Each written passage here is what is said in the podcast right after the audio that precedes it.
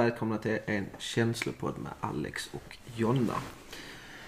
Idag är en fin onsdagkväll här nere i källaren i Alex kassa. Eh, vi kommer, vi har med oss en gäst idag, eh, Ulrika. Eh, oerhört tacksam att du ville ställa upp.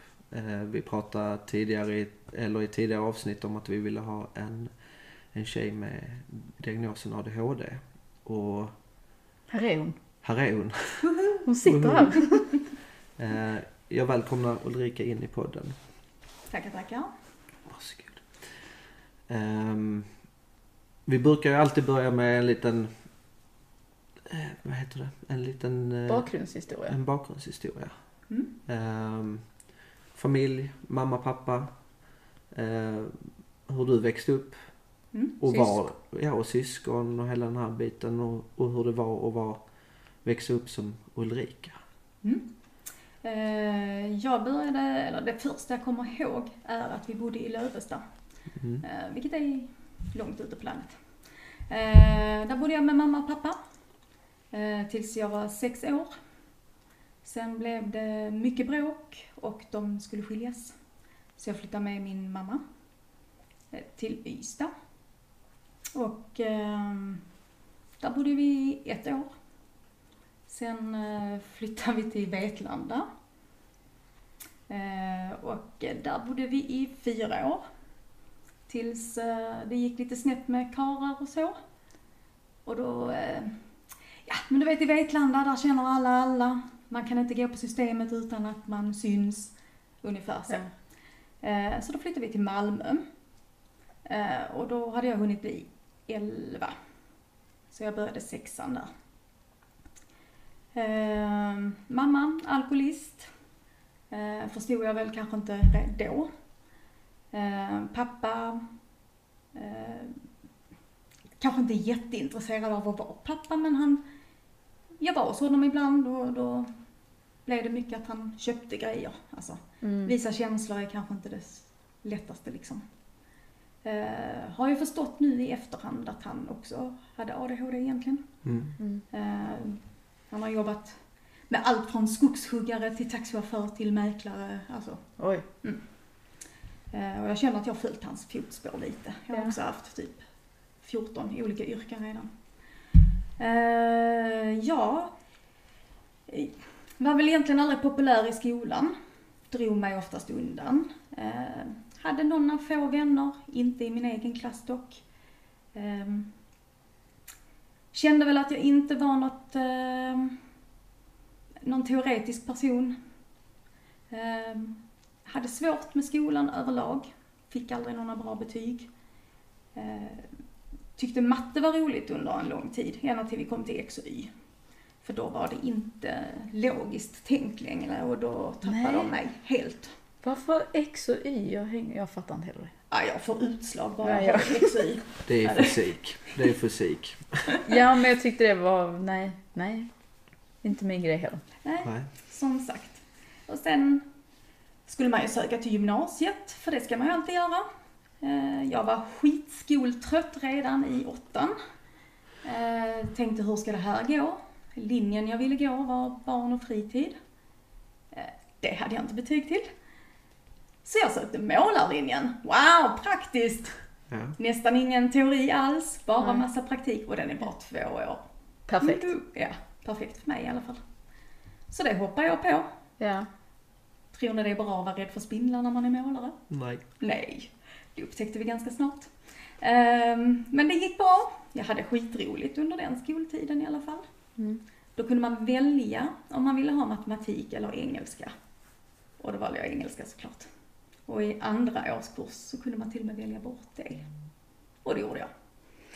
Så. Så gjorde jag också i gymnasiet. Jaså? Valde bort? Nej men nej. Man, eller man skulle välja tyska, spanska eller franska. Mm. Sen hade vi danska. Ja. Och gissa vem som valde danska? Jo det var jag. Så jag fick gå danska för nybörjare. Jag hade gått tyska i tre år. Och så valde jag danska. Varför egentligen? Jag har ingen nytta av danska Jag tänkte idag. att jag skulle tänkte, läsa- Men det, är- det, det är bra. Det är lätt. Ja men sen om man börjar jobba i Danmark kan det vara kunna danska kanske.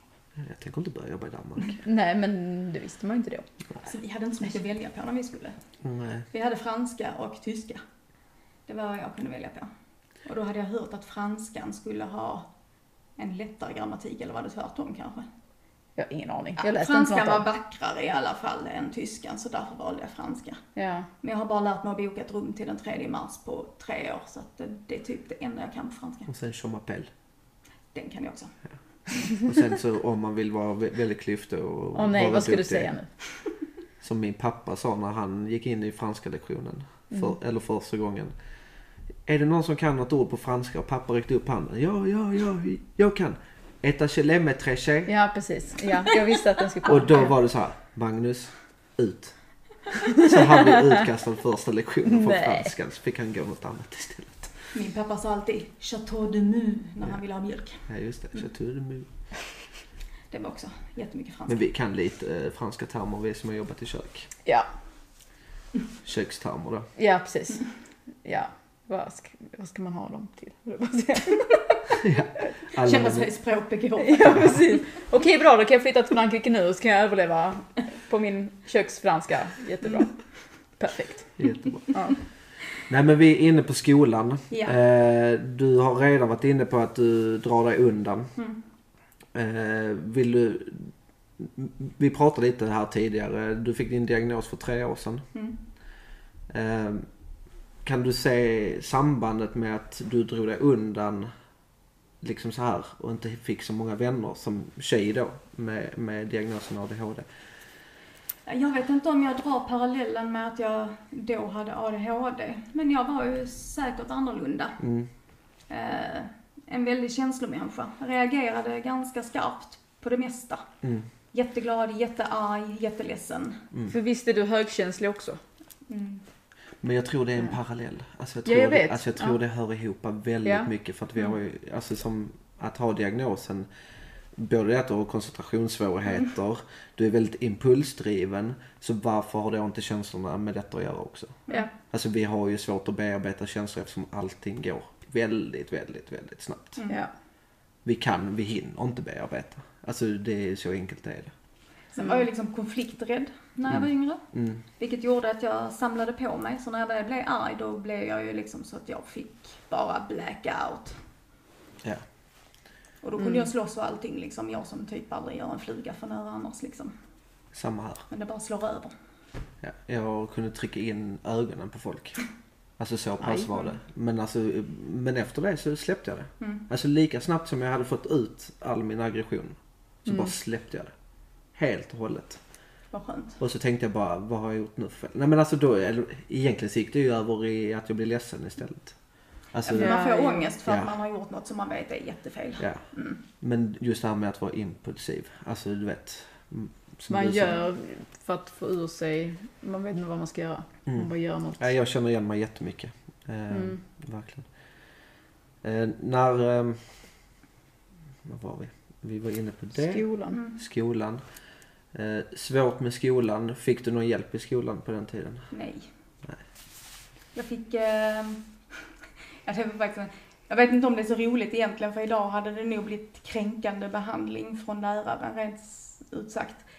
Men eftersom jag inte hade något läshuvud då som jag själv kallade eh, så var det också väldigt svårt att läsa till prov och sådana grejer. Speciellt om det är ämnen som man då tycker är skittråkigt som Mm. historia. Vad fan ska jag göra med det till? Mm. Förlåt uttrycket. Eh, Men så hamnade vi i religion. Och då var det om hinduismen och det var ju fantastiskt roligt. De fick inte lov att trampa på småkryp. Det här måste jag ju läsa. Mm.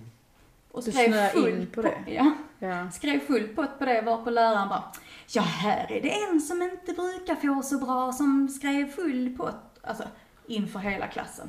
Det är nedlåtande. Ja, fast ja, på den tiden, alltså vi pratar 80-talet nu. Jag Mm. Ja, men är så då. gammal. Ja. Ja. Äsch då. Eller som mina barn säger, det är mamma, 40 plus. Ja, precis. Exakt. Det är perfekt. Ja. Nej, så att det var, nej, skolan var väl ingen höjdare. Ehm, och jag bestämde väl mig ganska snart efter gymnasiet att jag ska aldrig mer sätta min fot i skolan. Det gick ju jättebra, eller hur? Med tanke på att jag har pluggat till förskollärare och nu till rektor då. Men, Ja, det är jättemånga år ju. Fast nu väljer jag ju själv. Ja, dels att man Mm. väljer själv men också att man tycker något är roligt. Precis. Och då blir det ju lättare.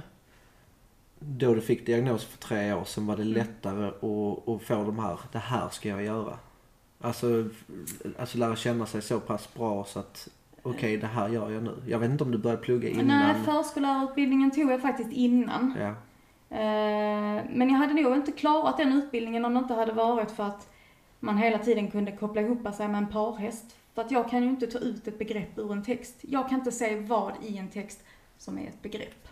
Nej. Och det ska man ju ofta göra på eh, universitetet. Mm. Ja, ta ut begreppen i texten. Jag bara, mhm. Men vad är det som är extra viktigt i denna texten? Är inte allt viktigt liksom? Ja, precis. Så då kunde jag ha någon som plockade ut det. Och sen kunde jag ju ordbajsa så vi fick VG liksom. För Ja. skriva runt saker, det har jag inga problem med. Nej. Det är en jäkel på. Mm. Men uh, sådana grejer har jag svårt med. Så den blev jag färdig med innan faktiskt. Eh, men när jag väl gjorde den här utredningen så tanken var väl egentligen att jag bara skulle koppla väck någonting att ja men då har jag i alla fall uteslutit det. Mm. Ehm, till varför jag liksom hamnade i utmattningssyndrom stup i kvarten. För det var ju där jag hamnade i vuxen ålder. Mm. När man helt plötsligt inte kan eh, koncentrera sig på sig själv och sin återhämtning. När man har barn i närheten som pockar på uppmärksamheten. Eller någon man lever ihop med där man hela tiden måste anpassa sig dygnet runt. Det var ju då problemen kom på riktigt. Mm. Då eh, krackelerade hjärnan liksom, då orkade den inte mer.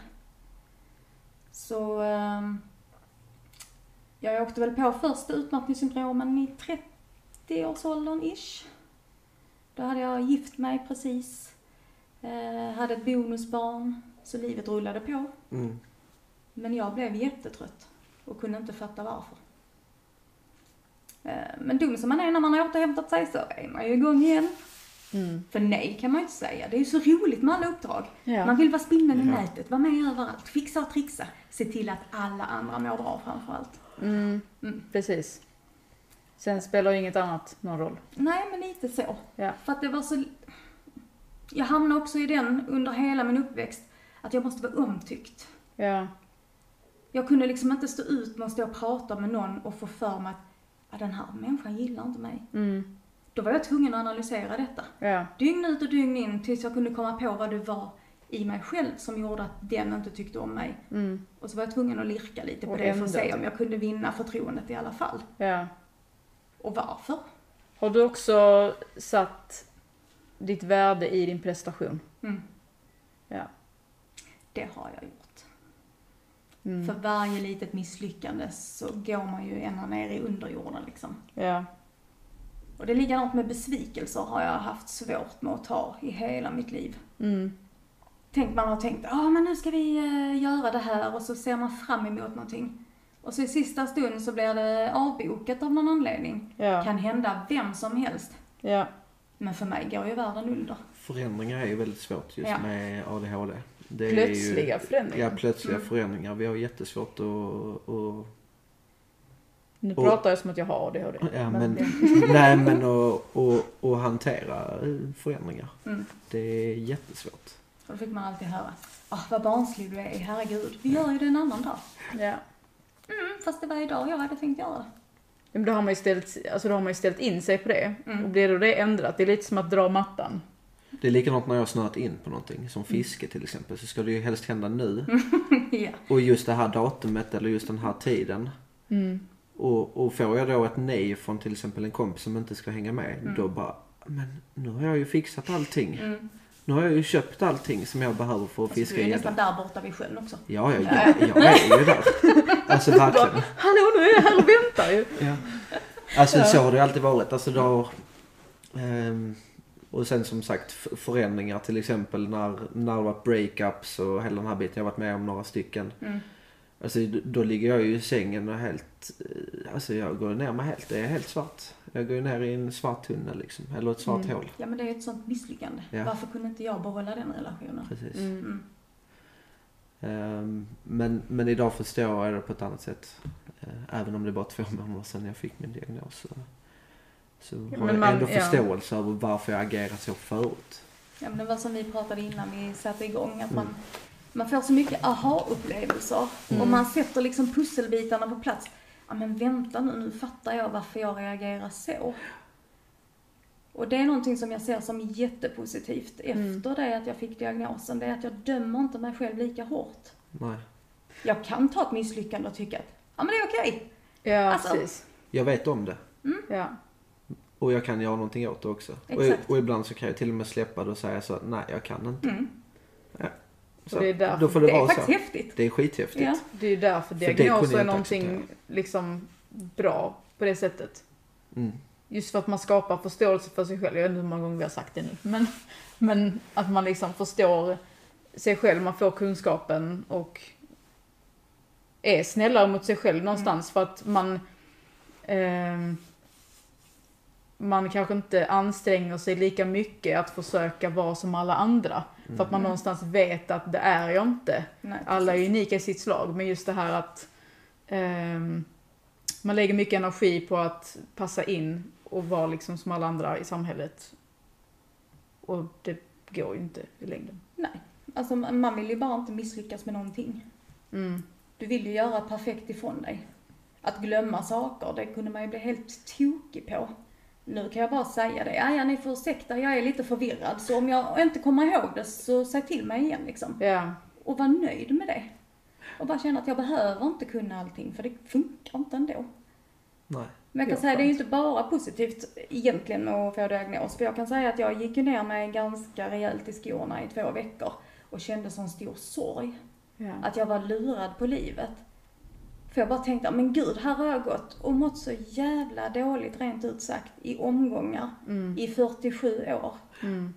Och ingen har ens lyft att, ja men du kanske skulle göra en utredning, du kanske har ADHD eller du...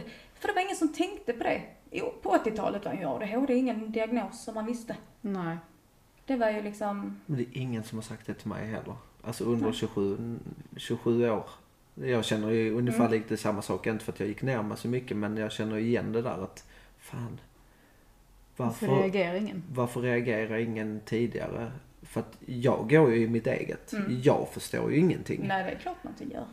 Eh, förrän då för något år sedan när jag verkligen började tänka okej, jag kanske har det. Mm. För att det hände en sak här ute i trädgården liksom och det var inte alls acceptabelt. Nej. Eh, jag betedde mig skitkonstigt eh, och märkte på något sätt där att jag, kanske ska gö- göra en utredning. Men det Mm. hände inte då. Det gör man inte, man tar inte tag i saker direkt heller. Va? Jag vet inte vad du menar. Om det inte är ett projekt man själv får eh, för sig. Utan det tar ju liksom två år senare liksom. Eh, innan jag... Och då hände ju en sak till igen liksom. Mm. Då åkte jag dit i, i spelandet igen och det blev en... Eh, konsekvens direkt liksom. Och då, nej nu måste jag göra det liksom.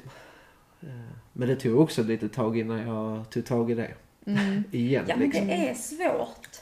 Därför att någonstans så tänker man ju, ja fast, nej men det är nog inte det. Ja. Och det var som jag sa, jag åkte dit då. för att utesluta. Ja. Och just på den utredningen som jag gjorde på ADHD-kliniken i Köpenhamn faktiskt. Mm. Där eh, får man först göra ett datortest. Mm. Där man har en rörelsesensor på sig, man ska kolla reaktion. Och så var det typ, eh, det kom upp cirklar och det kom upp fyrkanter, eller kvadrater, hur man nu vill uttrycka det. Och de var röda och de var blå och varje gång det kom en exakt likadan efter varandra så skulle man klicka. Och jag kunde bara känna så åh shit vad var det förra gången? För det hade jag redan glömt. Alltså på den sekunden. Ja. Så fick jag försöka rannsaka, gud var det en sån eller, aha jag klickar för säkerhets skull. Och, då, och de här 20 minuterna, alltså det var längsta hela mitt liv. Kranen rann där borta och då vet jag bara så, störde mig på alla möjliga ljud och så, Ja. just det, jag måste vara här nu. Och sen fick jag då någon snabbverkande ADHD-medicin. Och så fick jag svara på massa tråkiga jävla formulär, förlåt att jag svär nu igen. Men det var jättetråkiga formulär. Man får inte lov att svära i en podd. Ja, det är vad okej. skönt. Ja, vad skönt. Det har gjort det också. Och man tyckte liksom bara så här, det här är samma fråga, är det inte det? Och så bara, ja men hur läste jag nu? ah, nu uppfattar jag nu det fel. Och du vet, och så får man koncentrera sig sju gånger längre för att jag ska svara rätt på frågan, vad som nu är rätt och fel. Men jag vill ju ha en rättvis bedömning liksom. Och sen skulle jag göra samma test igen. Och den här gången så bara, whoops, så var det färdigt. Jag bara, okej. Okay. Och sen så kom de in med papprena då och då redovisade de att i det här testet så jämför man med 100 personer totalt. Och första gången så kom det in på 97 plats. Man kunde se ju längre in i testet så blev rörelserna mer och mer och mer. Eh, reaktionen var långsam. Alla gånger jag skulle tänka, vad var det förra gången? Eh, och det var bara så, okej. Okay. Ja, och sen ser vi här andra omgången då. Då kom det in på sjunde plats. Jag bara, mhm. Alltså vi har ju inga tvivel så vi går ju vidare med den här utredningen. Jag bara, mm. jaha. Alltså vet, den konstiga känslan bara, jaha, så jag har ADHD? Nej, det här var ju konstigt. Mm. Och där blev jag jätteledsen. Mm. Och sen gick jag ner i den här, ja, lurad på livet-känslan. Mm. Och sen nästa gång jag kom dit då så skulle det vara med en psykolog och man pratade allt möjligt. Mm. Och då var det så himla viktigt, man skulle jämföra med tre andra i olika diagnoser som det också skulle kunna vara, som bipolär 2. Mm. Och sen de andra två kommer jag inte ihåg. Men mm. den ena har jag i alla fall konstaterat att den hade nog min mamma. Okay. Det är liksom när man tycker synd om sig själv hela tiden. Det är liksom, jag sitter alltid ensam. Mm -hmm.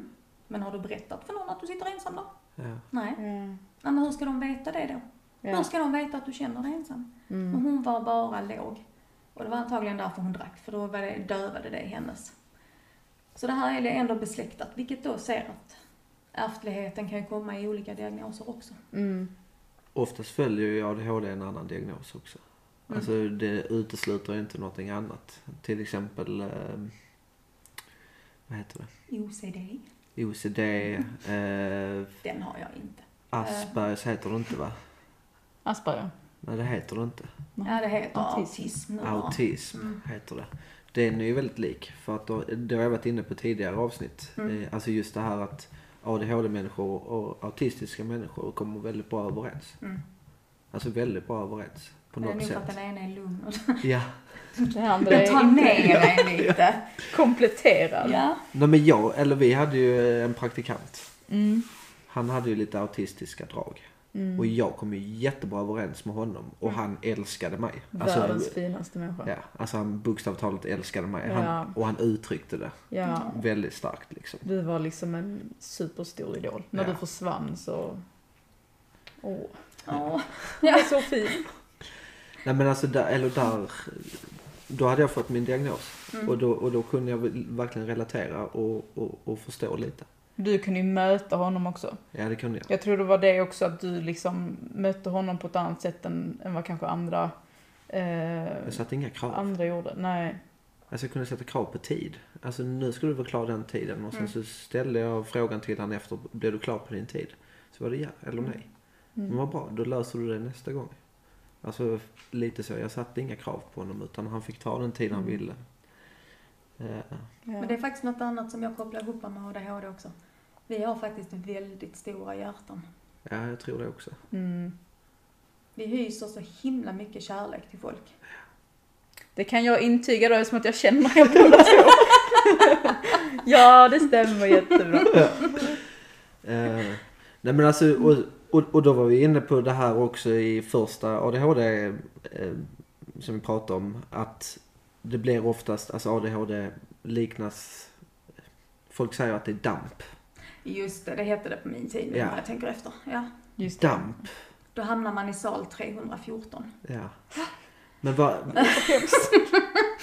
Där fick alla som störde på lektionerna sitta.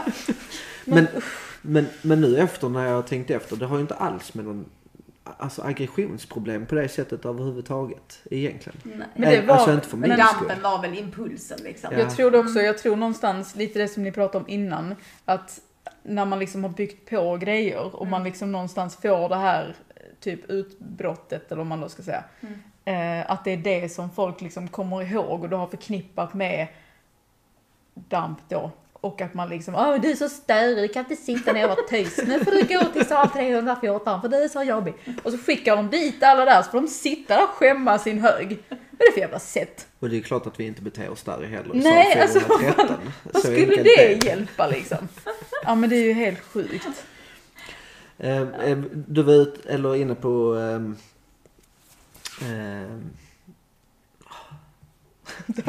utmattningssyndrom. Yes. Förlåt mig att jag är så är Eh, men eh, första gången du kände av detta, vad är liksom symptomen och vad är liksom... När, Första gången blev jag bara så fruktansvärt trött. Eh, och du vet, då hade jag två hundar. Jag skulle gå ut och gå med dem. Och så, så när jag varit ute på promenaden så kom jag in och så säger min dåvarande man, Åh, regnar det ute? Ja, det gjorde det nog. Jag ju dränkt katt liksom. Mm. Jag hade inte ens märkt att det regnade för att Mm. min hjärna var bara så bortkopplad.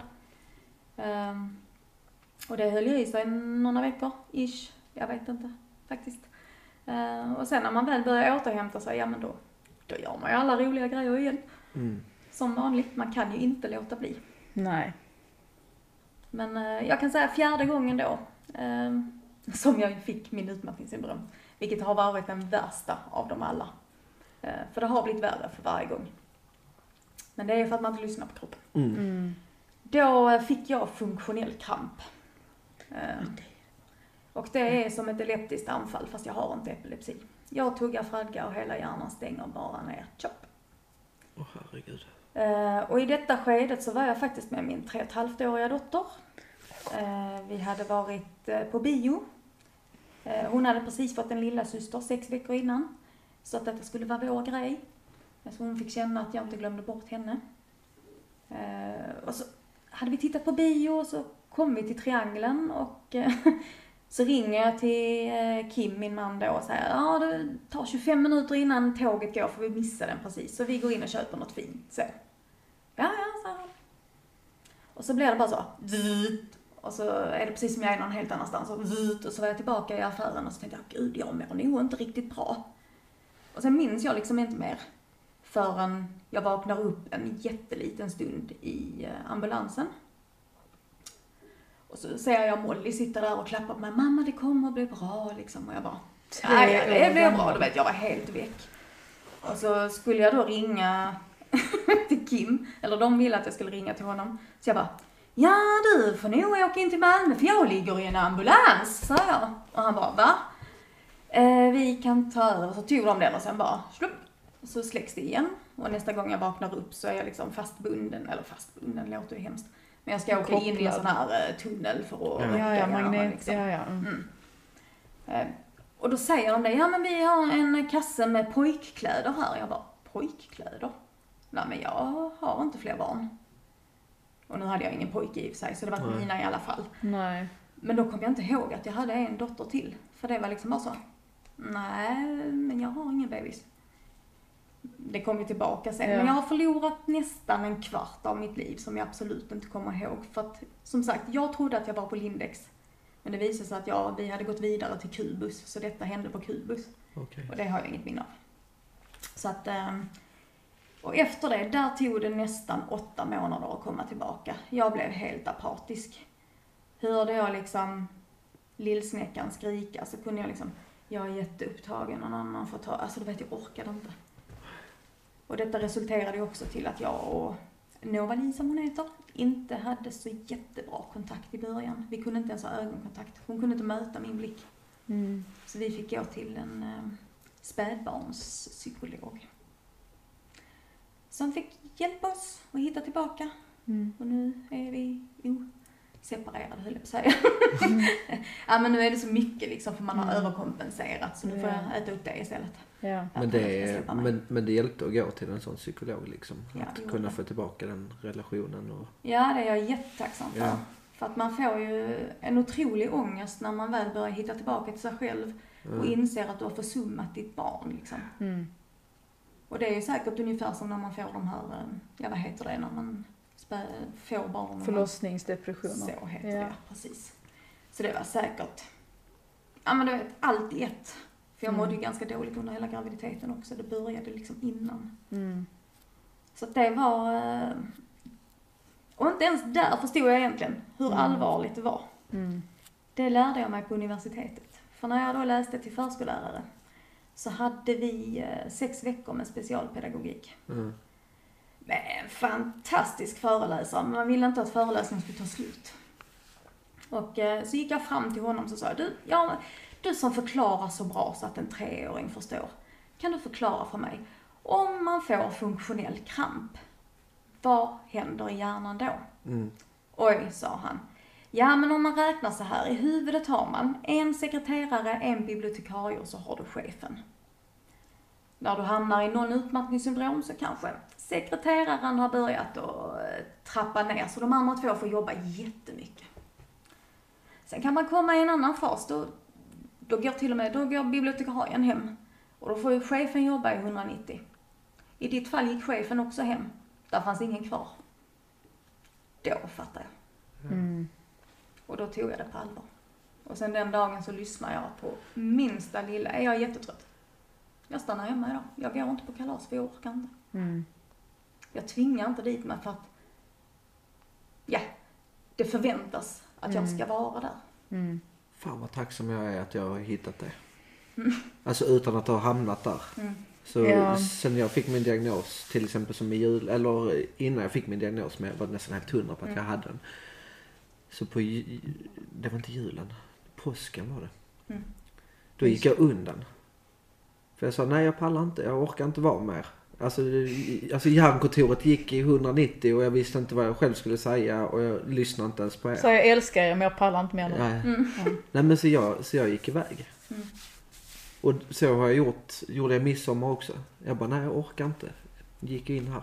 Det blir för mycket intryck. Ja. Mm. Det Så jag bara- överallt, man kan inte koncentrera sig på någonting. Men jag är jättetacksam att jag har funnit det. Att jag känner att, eller att jag behöver gå undan Mm. för att hitta det.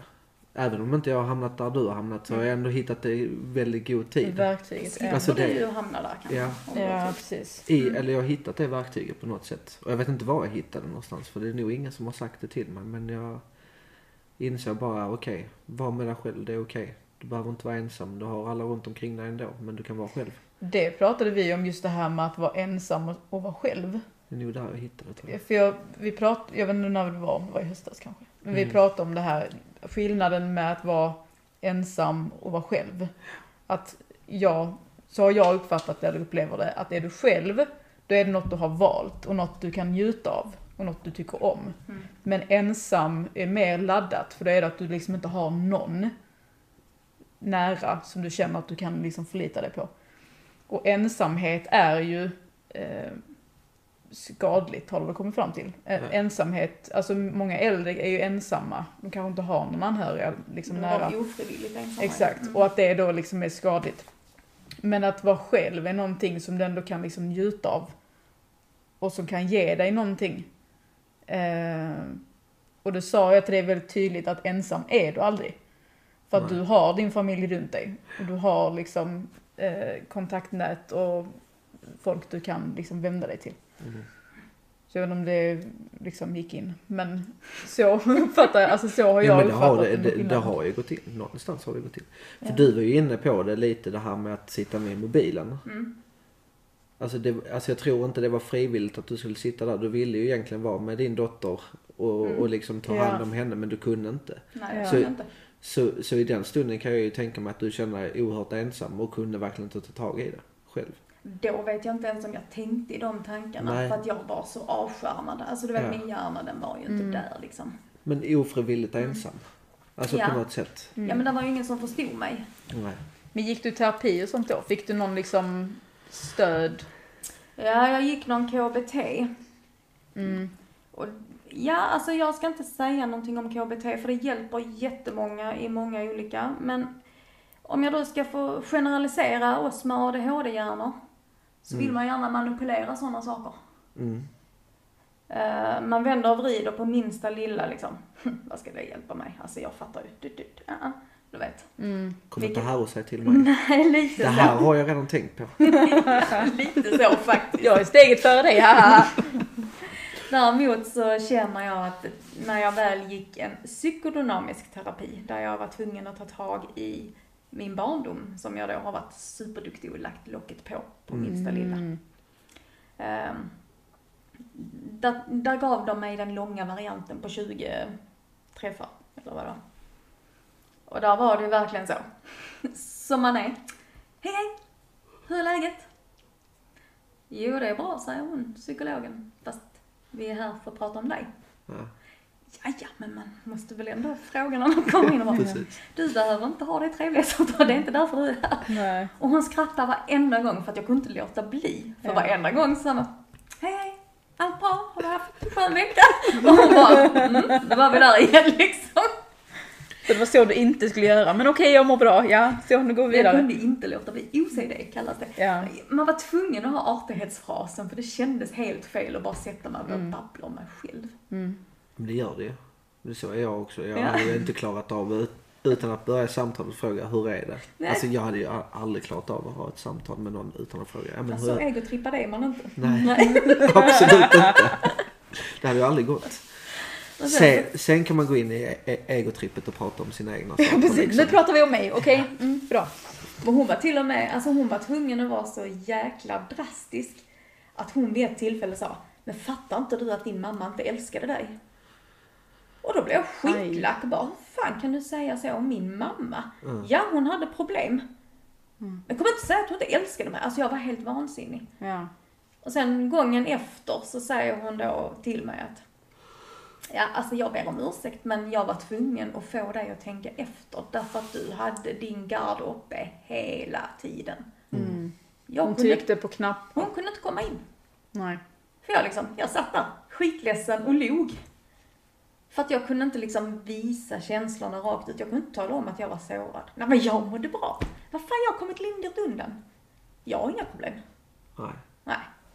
Har du fått höra att du är känslig? Alltså är, är det någon som, ja, alltså någon har sagt liksom typ på ett negativt sätt? Ja, fan vad du är känslig. Har jag hört Ja. många gånger. Mm. Nu har jag fattat att jag är känslig också. Jo, jo, ja. Det gör man väl. Ja. Men Nej men just det här att man säger det ofta i negativ bemärkelse. Mm. Och man, där är ju faktiskt de som tar åt sig. Och liksom någonstans då börjar liksom, nej men det är jättedåligt att vara det, så nu ska jag liksom trycka ner det. Mm. Och förneka att, nej men jag är inte alls känslig, ni ska nog få se. Och då anpassar man sig efter, Böla inte. ja men typ, ja exakt. Jo, Det gör jag inte heller, okej? Nej men precis. Men det är också någonting jag har insett också. Det är ju att sårbarhet är ju det starkaste vi har. Att visa dig sårbar är ju faktiskt någonting som gör att du stärker dig själv. Ja, men nu känns det ju som att det har liksom slått över på andra hållet.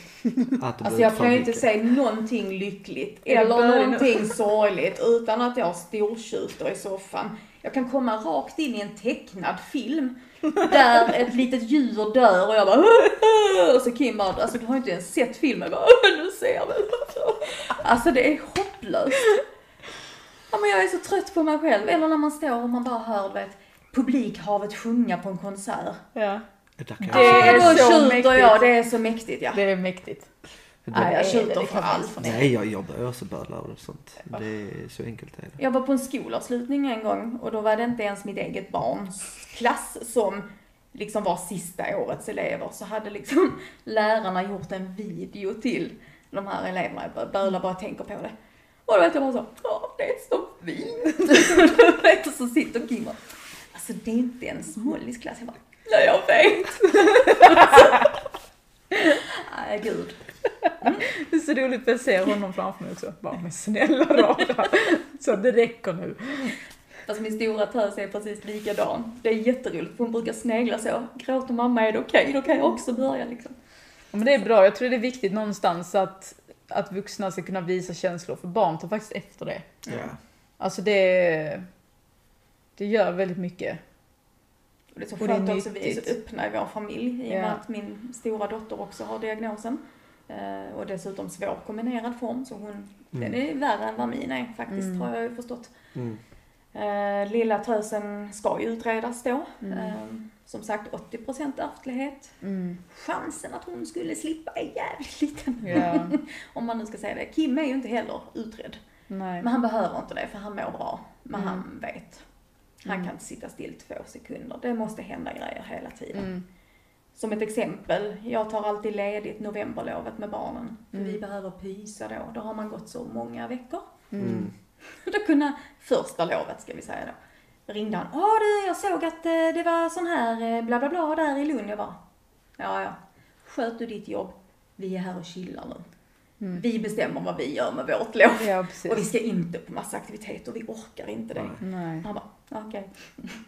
Det här är nog första sommar, alltså jag har semester och Mm. det är nog den första semestern jag har där jag inte planerar in någonting.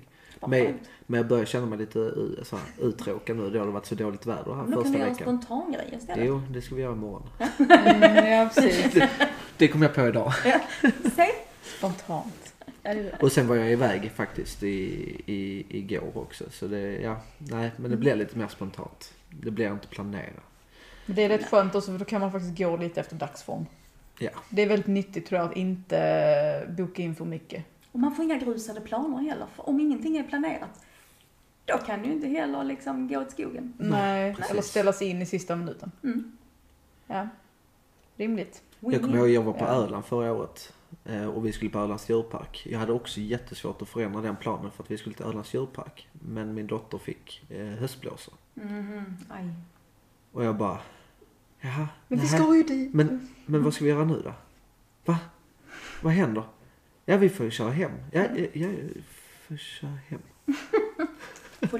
Det inre det- barnet i Alex blev helt förstört. Ja, och det klarar ju inte jag av. Så jag fick åka in till Kalmar och så fick vi göra en liten dag där istället.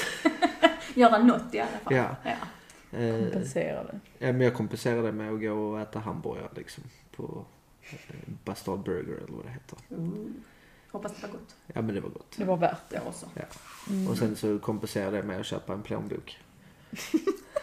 Men visst är det roligt att köpa saker? Ja, fy fan. Alltså det, pe- det blir som pengar. feel good att bara... Alltså det behöver inte vara något dyrt. Nej, Men när man dopamin. mår sådär lite halvtaskigt så bara...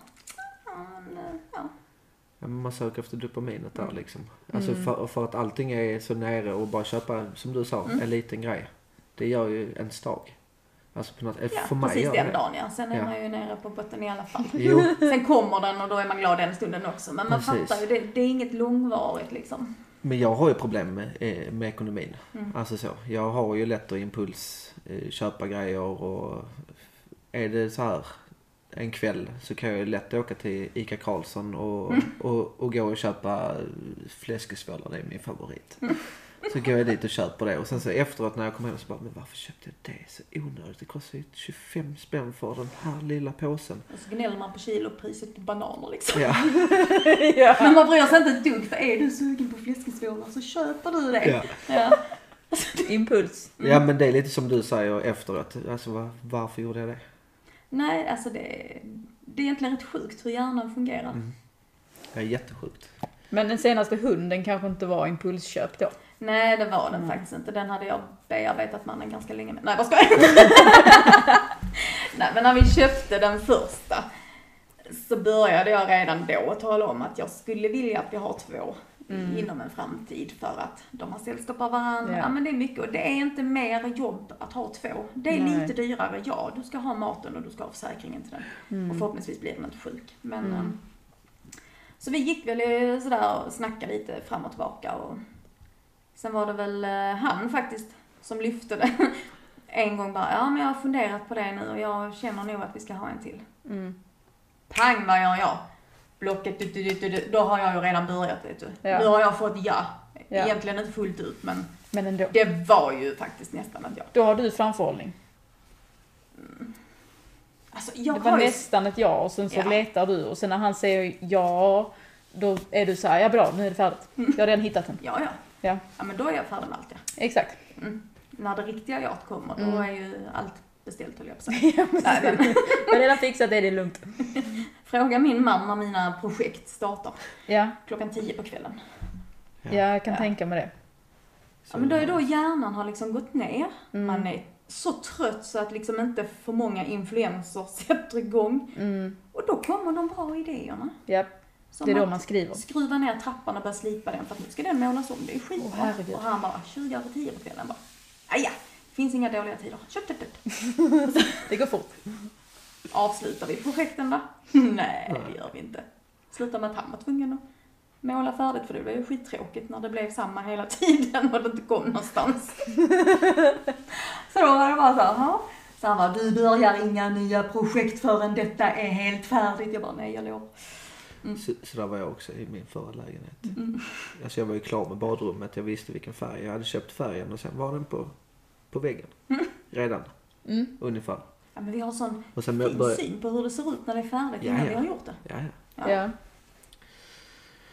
Men det blev fint till slut. När, Ja, det är pappa, klart det blir. när, eller när pappa fick hjälpa till av sig. Ja. Nu är jag utbildad målare så jag vet vad jag gör. Nej, vad ska jag? Jobbar du någon gång som målare? Händer ibland. Att jag hjälper bara vänner. Jobbar kan man inte säga, jag tar inte betalt. Men var det så, när du hade gått gymnasiet, Mm. jobbade du liksom på någon typ målarfirma eller något sånt då? Ja, i två år för jag gjorde färdigt min lärlingstid också. Ja, ja. Mm, mm. Vad tror ni mitt första jobb som målare blev? Måla staket på pergolas eller sådana uteplatser. Kul. Tror ni där var spindlar? Ja, massor. Alltså det tog ju hundra svåra år Har du jobbat med din spindelfobi? Mm. Är den borta? Nej. Jag har faktiskt fått hypnos för det. Okej. Eh, Den är inte helt borta, men jag får ju inte så hyper... eh, Alltså, förr var det så att skulle det vara en spindel där till exempel, Mm. då skulle jag för det första inte vilja sitta i detta rummet. Nej. Skulle jag upptäcka det medan jag satt här så skulle jag varit uppe för trappan på två röda sekunder, illskrikandes och helt panikslagen. Sen efter det så skulle hela dagen gått i att minsta lilla rörelse så studsar jag 15 meter och tror att det är en ny spindel. Idag kan jag liksom så, ja ja, där är en spindel, ah men vi tar den imorgon, jag ska sova nu. Vet du hur skönt det är? Ja, Det är rätt stor skillnad. Mm. Molly har ju exakt samma spindelfobi som jag hade. Mm. Eh, Så hon har ju gått nu två gånger. Nu är Mm. hennes ADHD lite svårare då. Mm. Vilket den här hypnotisören också talar om. Det är mycket energi, säger han. Mm. Vi kanske ska ta den förmiddag när hennes medicin är i full verkan. Jag bara, jag fattar vad du menar. Ja. Nu pratar vi om medicin. Mm. Mm. Eh, Jag kanske ska testa medicin så jag är jättenyfiken. Mm. Hur, hur funkar det för dig när, när medicin, medicinen kom in i bilden? Eh, För jag antar att du tar medicin idag också? det gör jag. Ja. Eh, Jag fick ju först något som heter Ritalin, vilket de flesta får börja med. Mm. Eh, första veckan, kanske till och med två, så var det som en helt ny värld. Alltså vet, man kände sig lugn. Du kunde liksom prata där, höra att det händer grejer där utan att fokuset gick dit och du missade liksom vad som skulle sägas här. Mm. Men efter två veckor så kände jag hur jag ville ta den ena barnet och dunka den andra med. Lite så. Mm. Mm. Och då kände jag, åh, nu ska inte jag ta en ny dos. Nu är den ju korttidsverkande så man fyllde ju på klockan 12 och klockan 4 och allt vad det nu var. Eh, så jag struntade ju såklart i att fylla på. Mm. Jag är ju inte dummare än så. Jobba på förskola och vilja slå det ena barnet med det andra är kanske inte så vettigt. Nej. Så då ringde jag och så sa de, ja men då tar vi den långtidsverkande istället. Så då fick jag Concerta. Precis. Den, Eh. den pratar ju många gott om. Mm. Med ADHD-diagnos. Funkar jättebra i tre veckor. Okej. Sen Oj. fick jag en blackout. Jag kommer inte ens ihåg vad jag gjorde, jag hade bara stått och skrikit. Och jag vet inte vad som utlöste, ingenting. Men jag vet ångesten efteråt. Fy. Eh, Så då sa jag, jag tar inte den mer. Så sa de, ja nej det var ju märkligt så, du kan inte prova lite till. Kanske inte så vettigt att jobba på en förskola då om jag ska prova ut medicin om jag blir folkilsken, det funkar liksom inte. Nej. Nej. Och då fick jag Elvanse och den har funkat klockrent. Faktiskt. Så att eh, den, eh, den gör att min hjärna tuggar igång på Men den är också långvarig va? Elvanse? Mm. Ja, den går ut runt tre på mig, Ja. kan jag känna. Har man tagit den på morgonen då? Ja. Ja. Då tar jag den runt. Men till exempel om du har svårt att sova en natt. Mm, Tar du medicin på morgonen ändå? mm. Du gör det? Alltså min hjärna går ju inte igång utan medicin. Nej. Alltså då är den som tuggummi. ja. Det, det funkar liksom inte. Jag är så seg, så seg, så seg. Och det tror jag har med utmattningssyndrom att göra. Att jag har redan fördärvat min hjärna så pass mycket av att överbelasta den.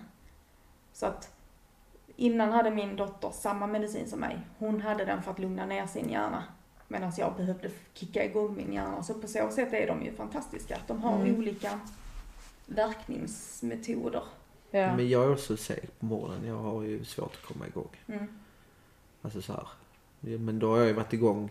Alltså jag har ju svårt att sova på nätterna så jag Mm. har ju väldigt svårt att eh, alltså komma ner Mm. i, i god tid. Alltså går jag och lägger mig klockan nio. Alltså jag somnar inte förrän klockan tolv. Nej, jag känner igen det. Tolv ett. Alltså det går inte. Alltså alla de tankarna som Ja. bara avlöser varandra, det är hopplöst. Till slut kan man till och med höra sig själv bara, "Ah, men lägg ner nu, du ska sova. Ja, Och så helt plötsligt var man ändå är på Mallorca eller, alltså det Precis. är så galet. ja det är exakt så är det. Och det är det som är så jobbigt när man typ pratar med andra människor. För det vill jag också lyfta. Ja, Att en person med ADHD avbryter inte för att vara ohövlig och egotrippad. Nej. nej. Du har sagt något som triggar igång en tanke och den tanken måste du säga nu för annars glömmer du den. Ja. Ja. Och det är det som blir så jäkla dumt. Mm. Och då slår man på sig själv för att man inte kommer ihåg helt plötsligt. För att man inte kan gå in och avbryta och säga Nej, exakt. Eller det. Så har för jag att man fungerat i alla fall. Nej, jag, jag har nog aldrig varit så att jag har slagit på mig själv när jag har avbrutit. Mm. Men jag, jag har slagit på mig själv för att jag inte kan komma ihåg. Ja, okej. Mm. Där eh, är mitt issue. När jag inte kommer ihåg då stör jag på mig. Alltså jag, det stör Mm. mig jättemycket. Som Det nu, händer till och med när man är mitt i ett samtal att man bara så tappar tråden Ja. och bara Ja, var var jag på väg nu då? Ja, det har jag glömt. Jag har varit inne Det på det hur många gånger som helst i denna podden. Liksom Mm. när jag bara.